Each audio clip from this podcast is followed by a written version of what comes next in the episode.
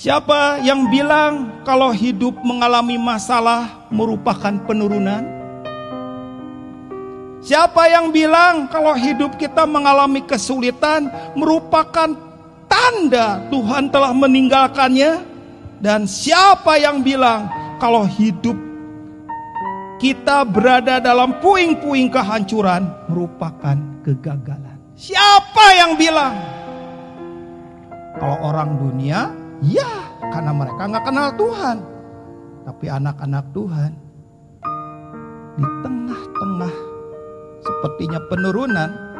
Hei, orang lihat penurunan, Tuhan bilang siapa bilang tuh penurunan?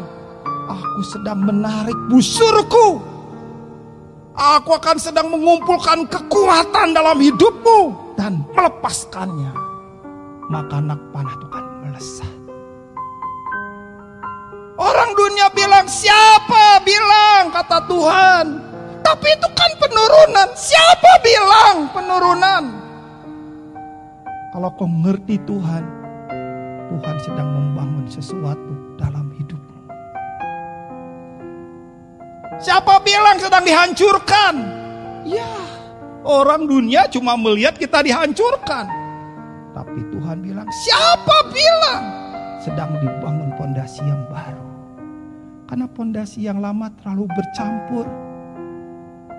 Terlalu keduniawian, terlalu kedagingan, nggak terlalu besar untuk kapasitas yang akan kutaruh dalam hidupmu.